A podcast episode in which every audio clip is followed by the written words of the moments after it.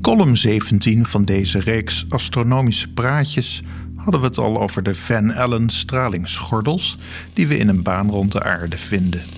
Uw meest radicale wappie, vrienden en familie zullen deze gordels stevast aandragen als munitie voor hun argument waarom de Apollo-maanreizen uit de vorige eeuw nooit hebben plaatsgevonden. Maar alleen, die oude koe zullen we in de sloot laten liggen. Vandaag een veel positiever bericht. Door menselijk toedoen is een extra bubbel binnen de Van Allen-gordels ontstaan die ons per ongeluk extra beschermt tegen kwalijke straling van buitenaf. Laten we eerst bespreken hoe deze bubbel is ontstaan en waarom we denken dat deze het gevolg is van menselijk handelen. Daarna bespreken we de fysieke parameters die deze bubbel beschrijven en in hoeverre deze ons beschermt. Alleen al op het aardoppervlak blijven mensen ontkennen dat klimaateffecten het gevolg zijn van menselijk handelen, maar nu gaan we dus ook beweren dat de ruimte buiten onze planeet beïnvloed wordt door menselijk handelen. Antropogene effecten noemen we deze. In de vorige eeuw werden door de Verenigde Staten en Rusland nucleaire explosies uitgevoerd, hoog in de aardse atmosfeer, met antropogene effecten op de ruimte buiten onze aarde. Het eerste bekende experiment was de nucleaire Yucca-explosie van 1,7 kiloton op 28 april 1958 uitgevoerd door de Verenigde Staten. Er volgden nog ruim 10 van dergelijke nucleaire explosies tot een hoogte van zo'n 410 kilometer boven het aardoppervlak, maar ergens eind 1962 werden dergelijke experimenten toch maar gestaakt. De reden was vooral de angst dat de elektromagnetische pulsen die hierbij vrijkwamen het Minuteman-raketschild in de war zouden kunnen schoppen, waardoor de strijdkracht van het Amerikaanse defensieapparaat in het gedrang zou kunnen komen. Als u meer over deze bedenkelijke periode en de effecten op onze planeet in de ruimte daaromheen wil lezen, is er een aardig artikel met de titel Anthropogenic Space Weather van auteurs Gombosi, Baker, Balloch, Erickson, Huba en Lanzarotti. De bubbel waar we het vandaag over hebben is niet ontstaan door kernexplosies of vergelijkbaar bedenkelijke activiteiten. De bron van onze extra beschermende bubbel is VLF of Very Low Frequency radiostraling. Onder VLF verstaan we radiostraling zo tussen de 3 en 30 kilohertz. We kunnen er wel even op afstemmen. Hmm, weinig te beleven hier met mijn RTL SDR-ontvanger en Cubic SDR versie 0.2.5. Tuurlijk. Toch wordt de VLF wereldwijd wel gebruikt en met name voor eenrichtingscommunicatie naar onderzeeërs.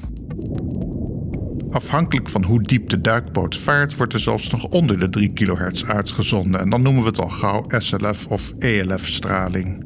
Het bijzondere van deze radiostraling is dat deze golven een enorme golflengte hebben. Om te vergelijken, uw draadloze wifi-modem zendt en ontvangt bijvoorbeeld op de 2.4 of 5 gigahertz. De golflengte van deze straling is respectievelijk 12,5 centimeter en 6 centimeter. Wat bijzonder. Dat kunt u uitrekenen door de lichtsnelheid door de frequentie te delen. Ehm, En vergeet natuurlijk niet de eenheden om te rekenen naar meters en seconden. Zo'n wifi-router werkt prima binnenshuis en als u slechte ontvangst heeft op de slaapkamer of op zolder, dan installeert u een repeater of een mesh-netwerk. En alhoewel u de wifi van uw buren waarschijnlijk ook ziet, dringen dergelijke signalen niet al te ver door en al zeker niet onder water.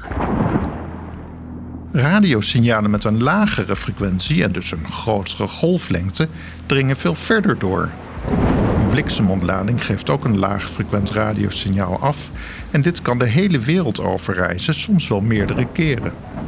VLF-signalen kunnen door die lange golflengte ook een heel eind het water in propageren, waar onderzeeërs deze nog kunnen waarnemen. De bandbreedte van deze signalen, dat is de hoeveelheid informatie die erin geperst kan worden, is echter gering en daarom worden zeer korte gecodeerde berichten doorgegeven, waardoor de bemanning van een onderzeeër weet wat hen te doen staat. Het kan bijvoorbeeld zijn terugkeren naar het zeeoppervlak en contact zoeken middels radiostraling op een hogere frequentie. Het is misschien te vergelijken met de semafoon van vroeger, waarbij u een getal te zien kreeg op uw persoonlijke semafoon en dan wist u dat die gezellige avond uit eten met het gezin voortijdig gestaakt moest worden. Het nummertje 5 stond dan bijvoorbeeld voor onmiddellijk naar het werk komen. Het zijn deze superlage radiogolven die behalve diep de zee in en de aarde rond ook de ruimte instralen.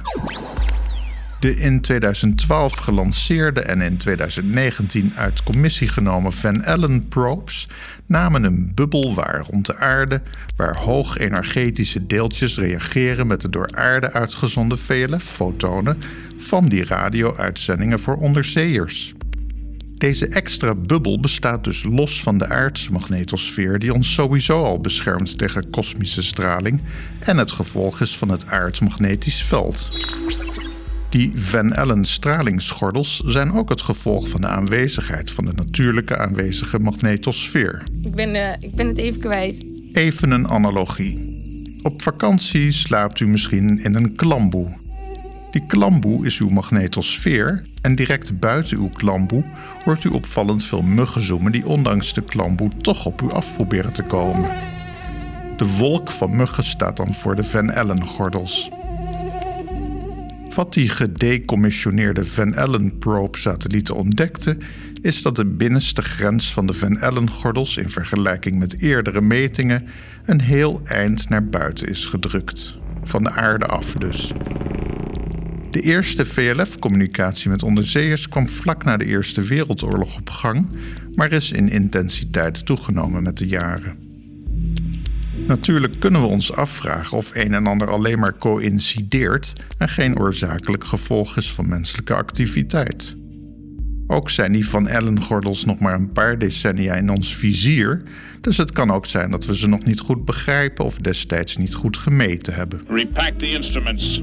Allemaal op zich valide argumenten waren het niet dat al in 2008 een artikel werd gepubliceerd waarin de effecten van VLF-straling op de Van Allen-gordels werd onderzocht. Dit is dus bijna tien jaar voor de ontdekking van dit effect met de Van Allen probes. Het artikel heeft als titel Radiation Belt Precipitation by Man-Made VLF Transmissions en verscheen in oktober 2008 in het Journal of Geophysical Research Atmospheres. En inmiddels zijn we dus een stap verder en blijkt er een bubbel rond de aarde te bestaan die de Van Allen-gordels in alle richtingen naar buiten duwt. Nu wou ik, net als sommigen van u vermoed ik, graag weten hoe groot dit effect is. Maar dat bleek een dag rondneuzen in wetenschappelijke publicaties te kosten zonder bevredigend antwoord. Op zich zijn de gegevens van de Van Allen probes beschikbaar voor het publiek, maar dit is zoveel fijnmazige data dat ik daar niet 1, 2, 3 een adequaat antwoord uit kan toveren. We weten dat de Van Allen-gordels zo'n 640 tot 58.000 kilometer vanaf het aardoppervlak de ruimte instrekken. Door onderzoek van enkele decennia, mede dankzij die Van Allen-probes, is bekend dat de stralingsgordels aan veranderingen onderhevig zijn. Zo is er een tijdelijke derde stralingsgordel waargenomen, maar ook de afstanden van de verschillende onderdelen variëren met de tijd. Gebeurtenissen op de zon hebben een sterke invloed op de grootte van de stralingsgordels.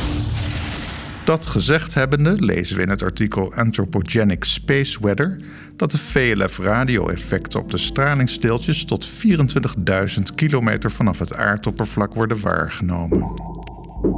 Met enige voorzichtigheid kunnen we dus beweren dat we onszelf als bijproduct van onze communicatie sinds kort in de geschiedenis van de planeet Aarde met een bubbel van ongeveer 24.000 kilometer vanaf het aardoppervlak beschermen. Wat voor bescherming is dit? Relativistische elektronen, dat zijn geladen deeltjes die met een enorme snelheid door het heelal reizen en dus ook richting de aarde, gaan een golf-deeltje-interactie aan met de radiostraling die bedoeld was voor onze onderzeeërs. Bij deze interactie kan energie door resonantie weggenomen worden van de elektronen en omgezet worden in niet-schadelijke elektromagnetische straling.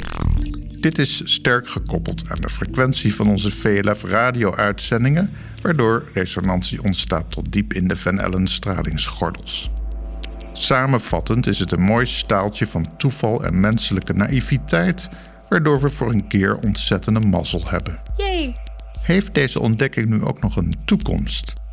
We weten dat radio-uitzendingen op zeer lage frequenties ons kunnen beschermen. Dat betekent ook dat in theorie ruimteschepen kunnen worden ontwikkeld die de hachelijke reis naar bijvoorbeeld Mars kunnen ondernemen door ondertussen VLF-radiostraling uit te zenden. Hiermee kan dan immers een artificiële bubbel rond het ruimteschip in stand worden gehouden die mens, dier en plant in het ruimteschip beschermt tegen akelige kosmische straling. Tot de volgende keer.